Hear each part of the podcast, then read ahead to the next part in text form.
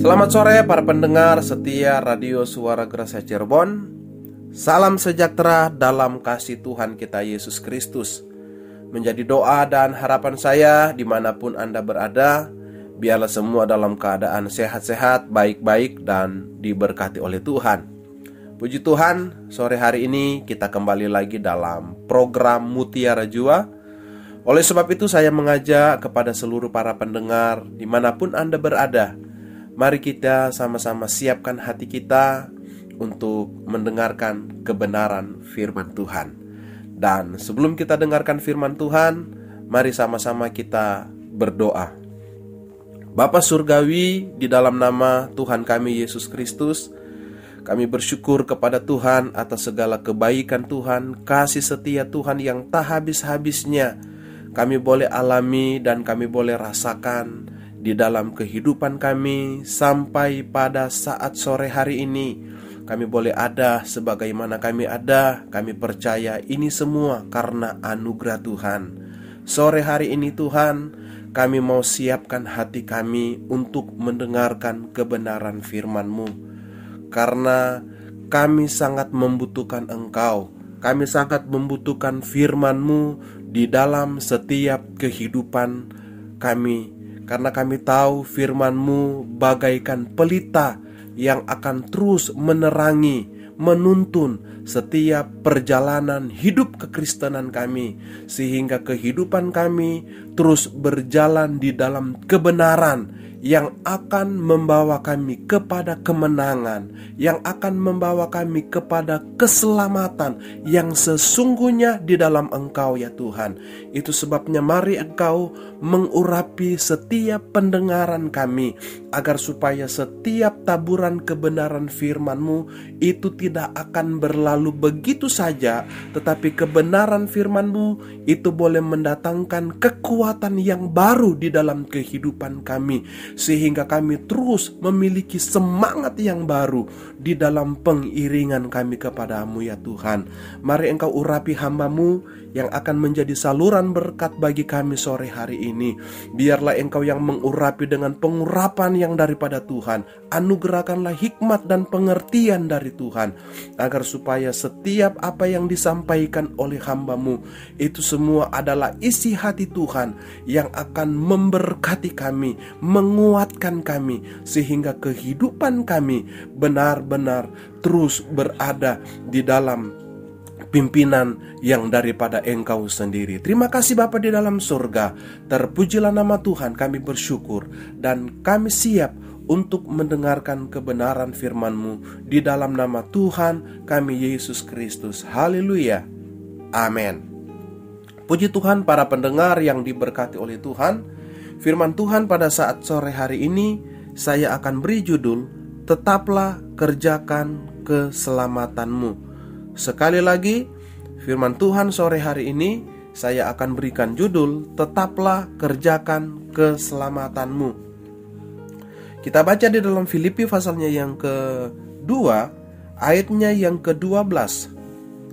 Demikianlah firman Tuhan. Hai saudara-saudaraku yang kekasih, kamu senantiasa taat.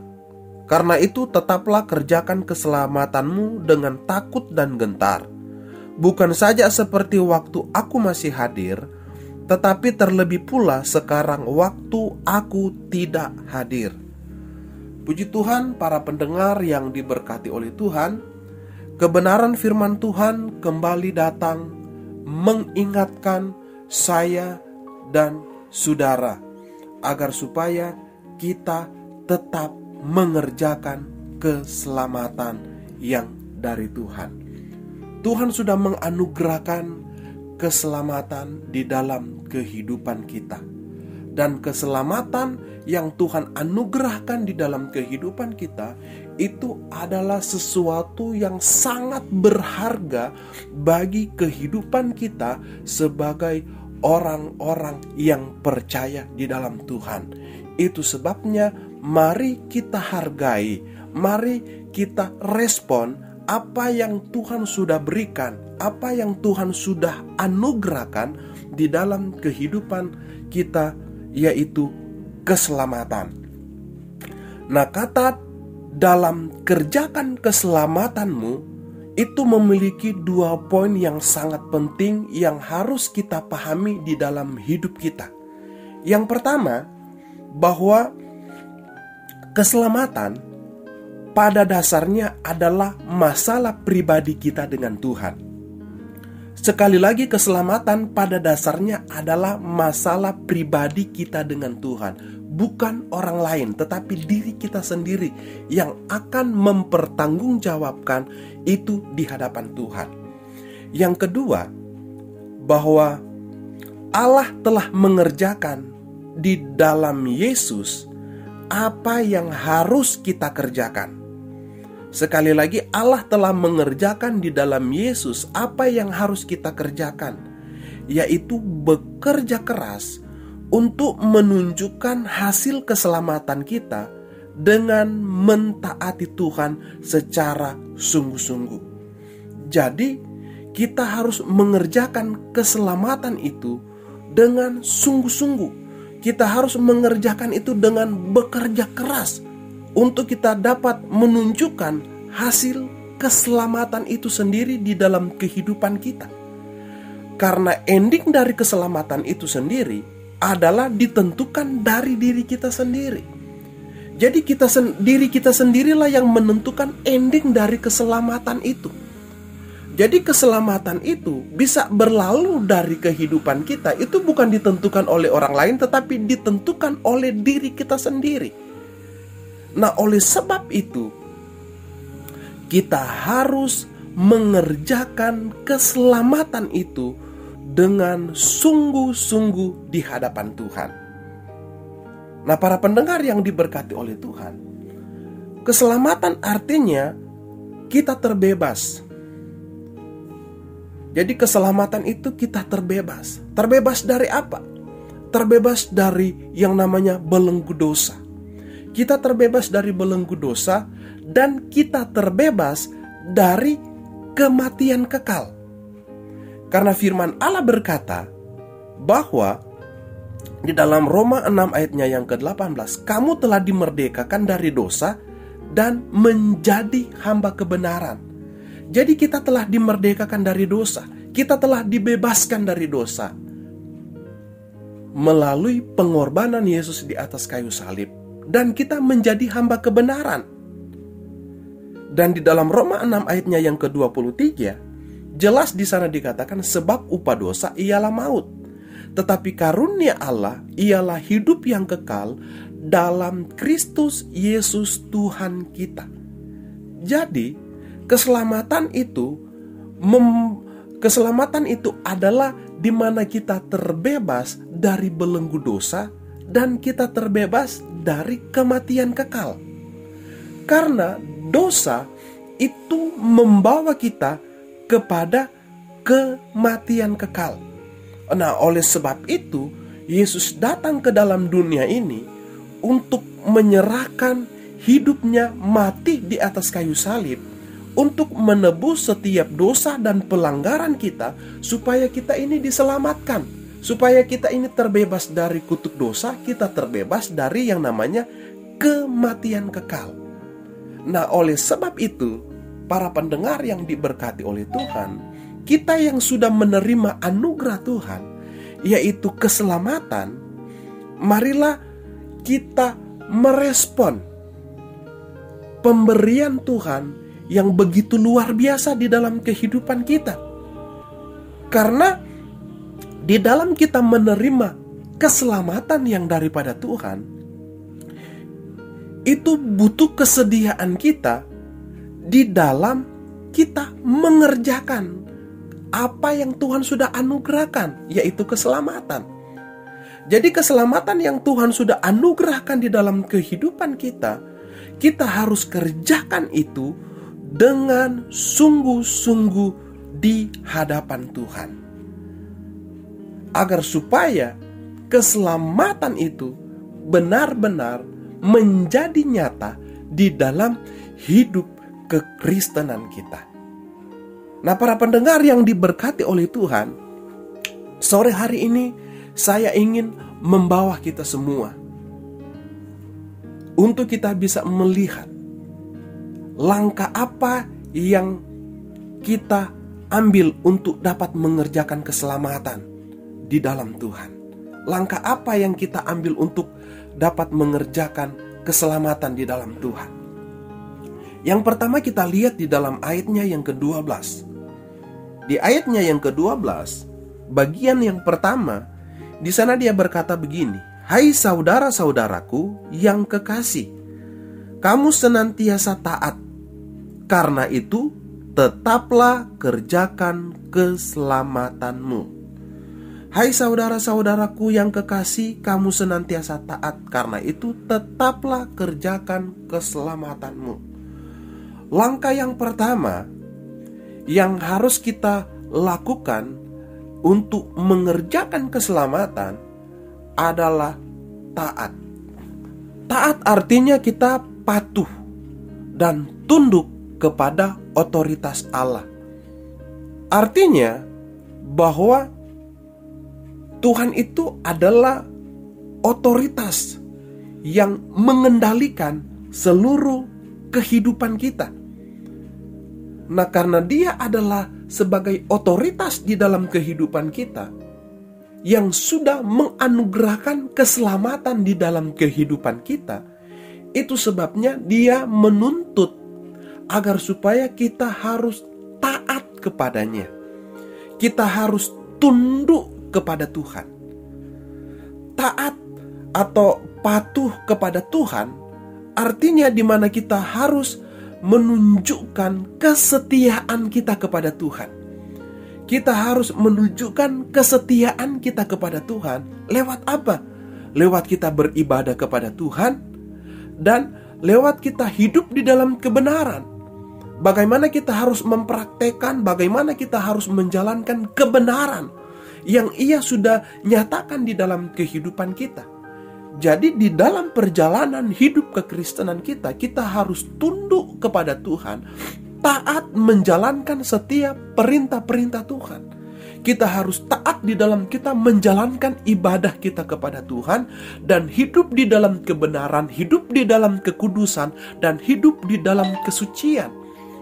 Karena dengan kita taat kepada Tuhan, itu menunjukkan keseriusan kita di dalam kita mengerjakan apa yang Tuhan sudah berikan di dalam kehidupan kita, yaitu keselamatan. Jadi, para pendengar yang diberkati oleh Tuhan, keselamatan yang kita terima dari Tuhan, kita harus kerjakan itu dengan sungguh-sungguh. Kita harus sungguh-sungguh di dalam kita mengiring akan Tuhan di dalam kita menjalankan perintah-perintah Tuhan. Karena dengan kesungguh-sungguhan kita, dengan kerja keras yang kita kerjakan untuk kita mengerjakan apa yang menjadi bagian kita, itu akan mendapatkan hasil yang memuaskan di dalam kehidupan kita.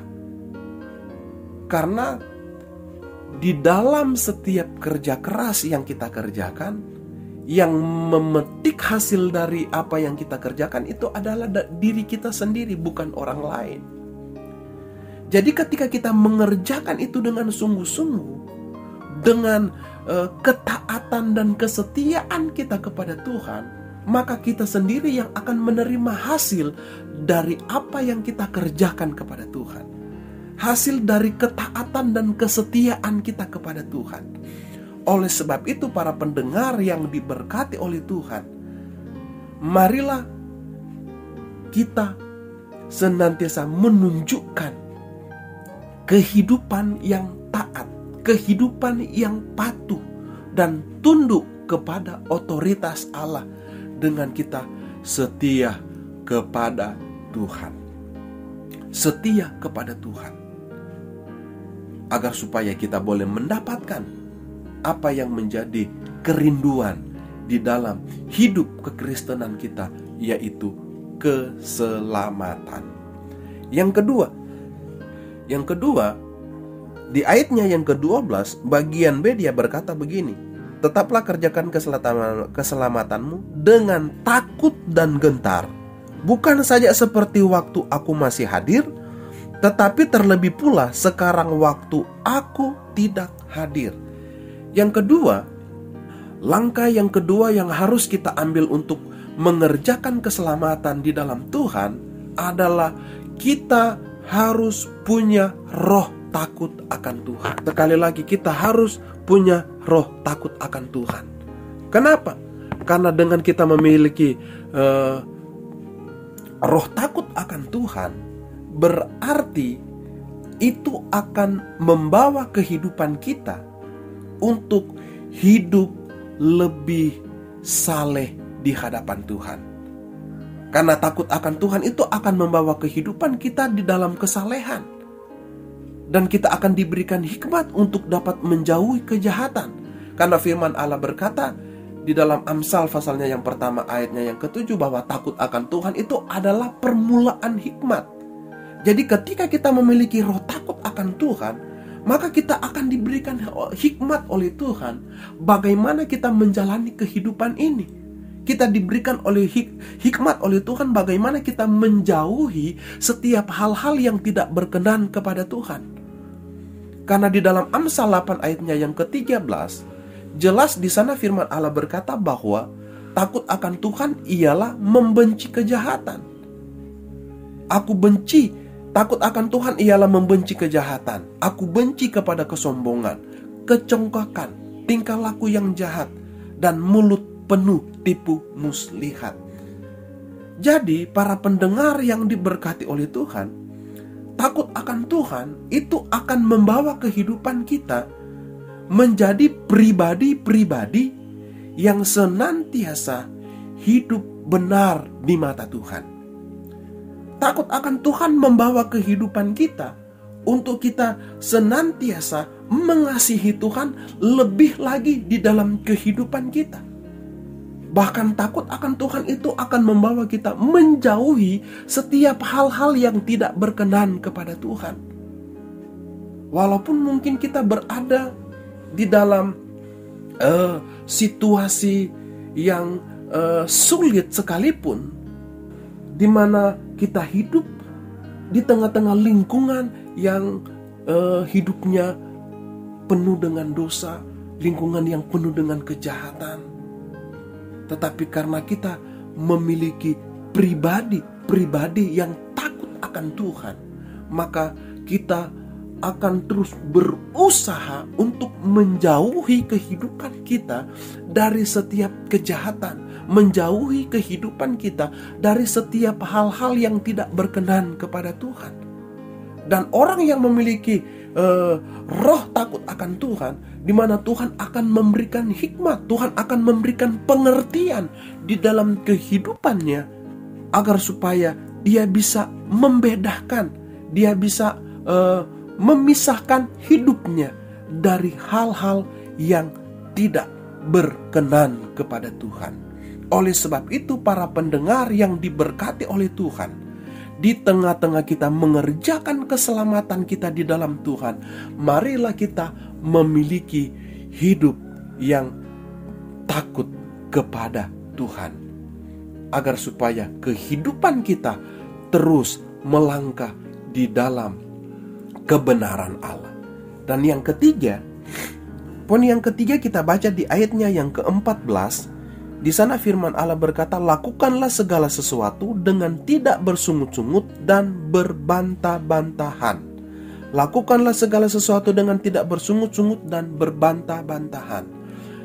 Poin yang keempat, yang ketiga, langkah apa yang kita harus kerjakan di dalam kita mengerjakan keselamatan di dalam Tuhan, yaitu lakukan dengan tidak bersungut-sungut. Artinya bahwa di tengah-tengah kita mengerjakan keselamatan ini, tentunya itu ada begitu banyak uh, pergumulan, ada begitu banyak persoalan, ada begitu banyak tantangan, ada begitu banyak hambatan yang menerpa hidup kekristenan kita. Nah, kadangkala masalah-masalah yang kita hadapi, proses yang kita hadapi, itu kadangkala membuat kita bersungut-sungut. itu membuat kita uh, mengeluh. Itu membuat kita berbantah-bantah. Kenapa? Karena mungkin jalan yang kita jalani itu tidak sesuai mungkin dengan keinginan kita. Nah, itulah yang membuat kita bersungut-sungut. Sedangkan di dalam perjalanan hidup kekristenan kita, itu ada begitu banyak ujian, itu ada begitu banyak persoalan, ada begitu banyak hal-hal yang uh, menerpa kehidupan kita. Tetapi di sini firman Allah kembali mengingatkan kita agar supaya di dalam kita mengerjakan keselamatan kita di dalam Tuhan, jangan pernah kita bersungut-sungut. Artinya apa? Artinya ketika kita diperhadapkan dengan proses, diperhadapkan dengan ujian yang kita alami di dalam uh, kita menjalani hidup kekristenan ini, mari kita lewati dan kita hadapi semua proses itu dengan senang hati. Artinya kita harus kerjakan semua itu dengan senang hati.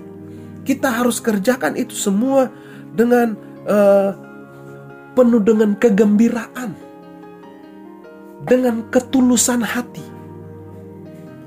Karena kalau kita mengerjakan itu dengan ketulusan hati, itu akan menjauhkan kita dari persungutan.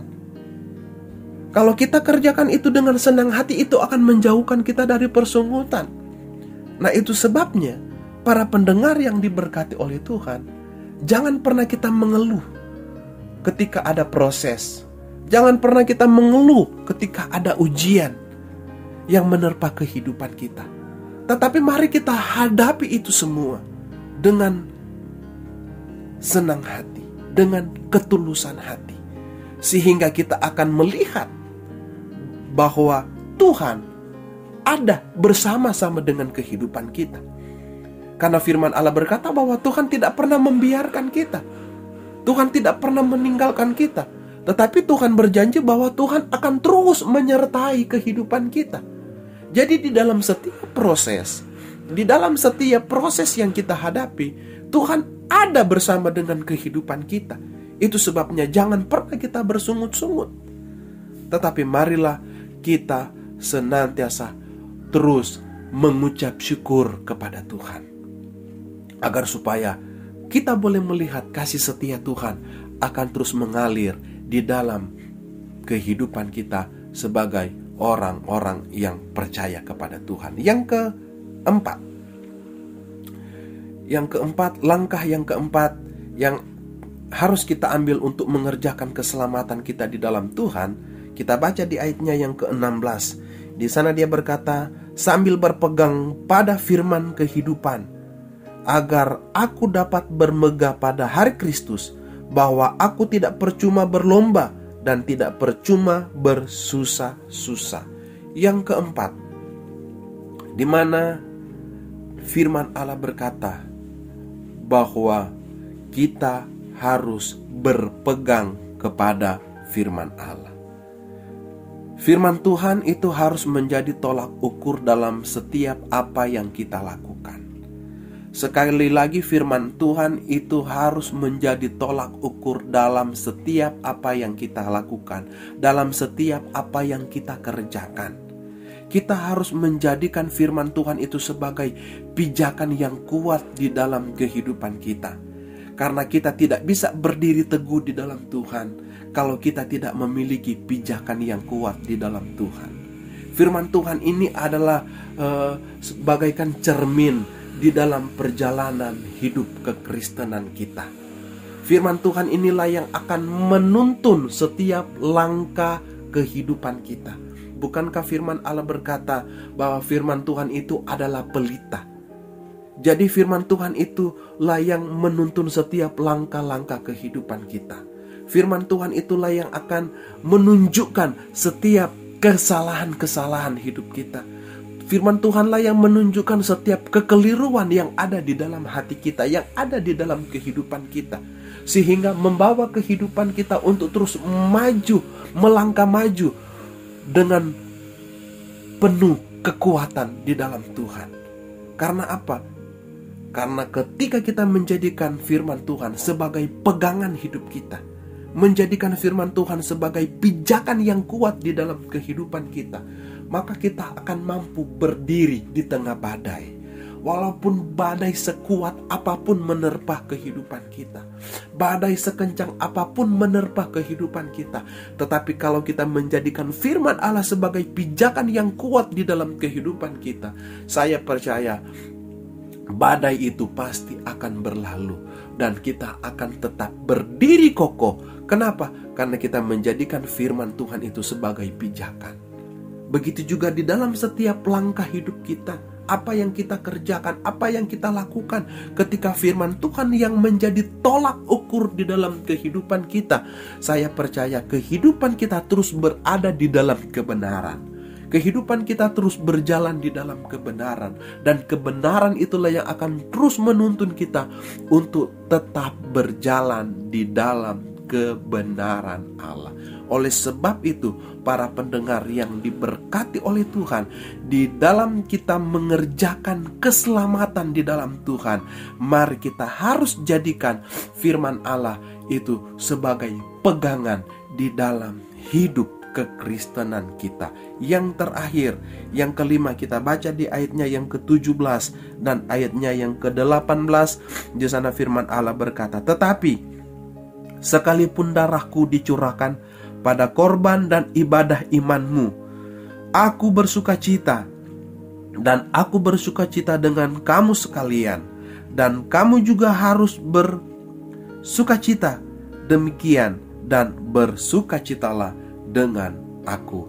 Poin yang terakhir, yang kelima, langkah yang harus kita ambil untuk mengerjakan keselamatan kita di dalam Tuhan adalah tetap bersukacita. Hidup ini tentunya tidak luput dari yang namanya masalah. Hidup ini tidak luput dengan yang namanya pergumulan.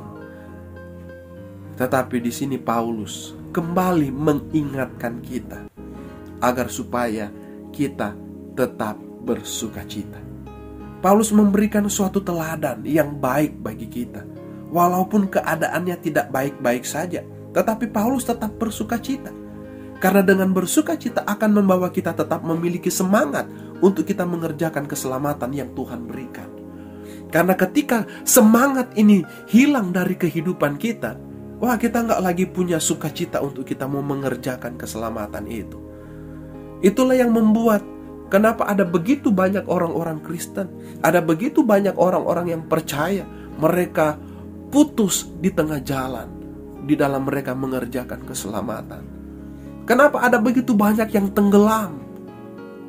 Kenapa ada begitu banyak yang mengalami keterpurukan? Karena mereka tidak memiliki semangat di dalam hidup mereka. Kalau kita melihat Paulus, bukankah Paulus memiliki begitu banyak masalah di dalam dia mengerjakan tugas dan tanggung jawabnya sebagai orang percaya? Paulus mengalami aniaya, Paulus mengalami penolakan. Paulus mengalami begitu banyak tantangan. Tetapi di sini Paulus memberikan teladan yang baik kepada kita walaupun kehidupannya pada waktu itu tidak baik-baik saja. Tetapi Paulus memberikan teladan yang baik agar supaya kita tetap bersuka cita. Karena dengan bersuka cita sekali lagi itu akan membawa kehidupan kita untuk tetap memiliki semangat, tetap memiliki gairah di dalam kita mengerjakan keselamatan yang Tuhan berikan di dalam kehidupan kita. Oleh sebab itu para pendengar yang diberkati oleh Tuhan, Tuhan sudah memberikan keselamatan agar kita terbebas dari belenggu dosa. Tuhan sudah memberikan keselamatan agar kita terbebas dari kematian kekal. Oleh sebab itu, mari kita respon akan keselamatan yang Tuhan sudah berikan di dalam kehidupan kita. Karena ketika kita merespon keselamatan dengan kita mempertahankan keselamatan yang Tuhan sudah berikan di dalam kehidupan kita, maka kita akan melihat buah-buah yang manis, buah-buah yang baik yang akan kita terima di dalam kehidupan kekristenan kita. Oleh sebab itu para pendengar yang diberkati oleh Tuhan, mari di tengah-tengah kita mengerjakan keselamatan, kita butuh ketaatan. Roh takut akan Tuhan.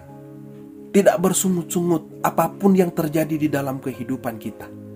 Tetapi mari kita belajar untuk tetap berpegang kepada kebenaran firman Allah sebagai tolak ukur yang benar. Dan marilah kita tetap bersuka cita. Walaupun keadaan kita sedang sulit atau sedang susah kita tetap bersuka cita. Karena dengan bersuka cita itu akan membangkitkan semangat di dalam kita mengerjakan keselamatan kita di dalam Tuhan.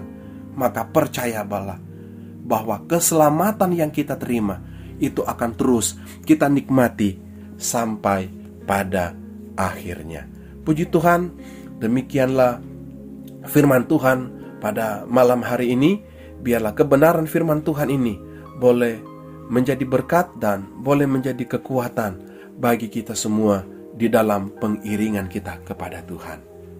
Mari kita tundukkan kepala dan kita berdoa.